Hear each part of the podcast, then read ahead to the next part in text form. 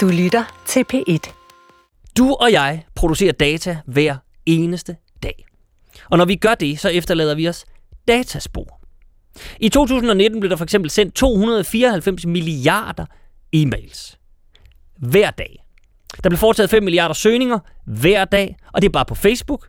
Så er der alle de andre. Den samlede datamængde nåede i 2020 op på 59 zettabyte. Og en zettabyte, det er et et-tal med 21 nuller bagved. Og hvad betyder så det? Ja, det er ubegribelige tal, og det er egentlig ikke det, det skal handle om. Nej, i den nyeste episode af Ubegribeligt, der taler jeg med dataforsker Anja Beckmann om, hvad alt den her data gør ved os.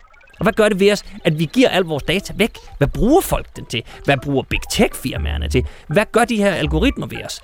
Hvad er det for nogle mønstre, vi agerer i? For det er nemlig det rigtig ubegribelige. Og hvis du vil høre det, og det kan jeg sådan set varmt anbefale, at du gør, så smut over i det Lyd, hvor du finder de nyeste afsnit af Ubegribeligt. Gå på opdagelse i alle DR's podcast og radioprogrammer. I appen DR Lyd.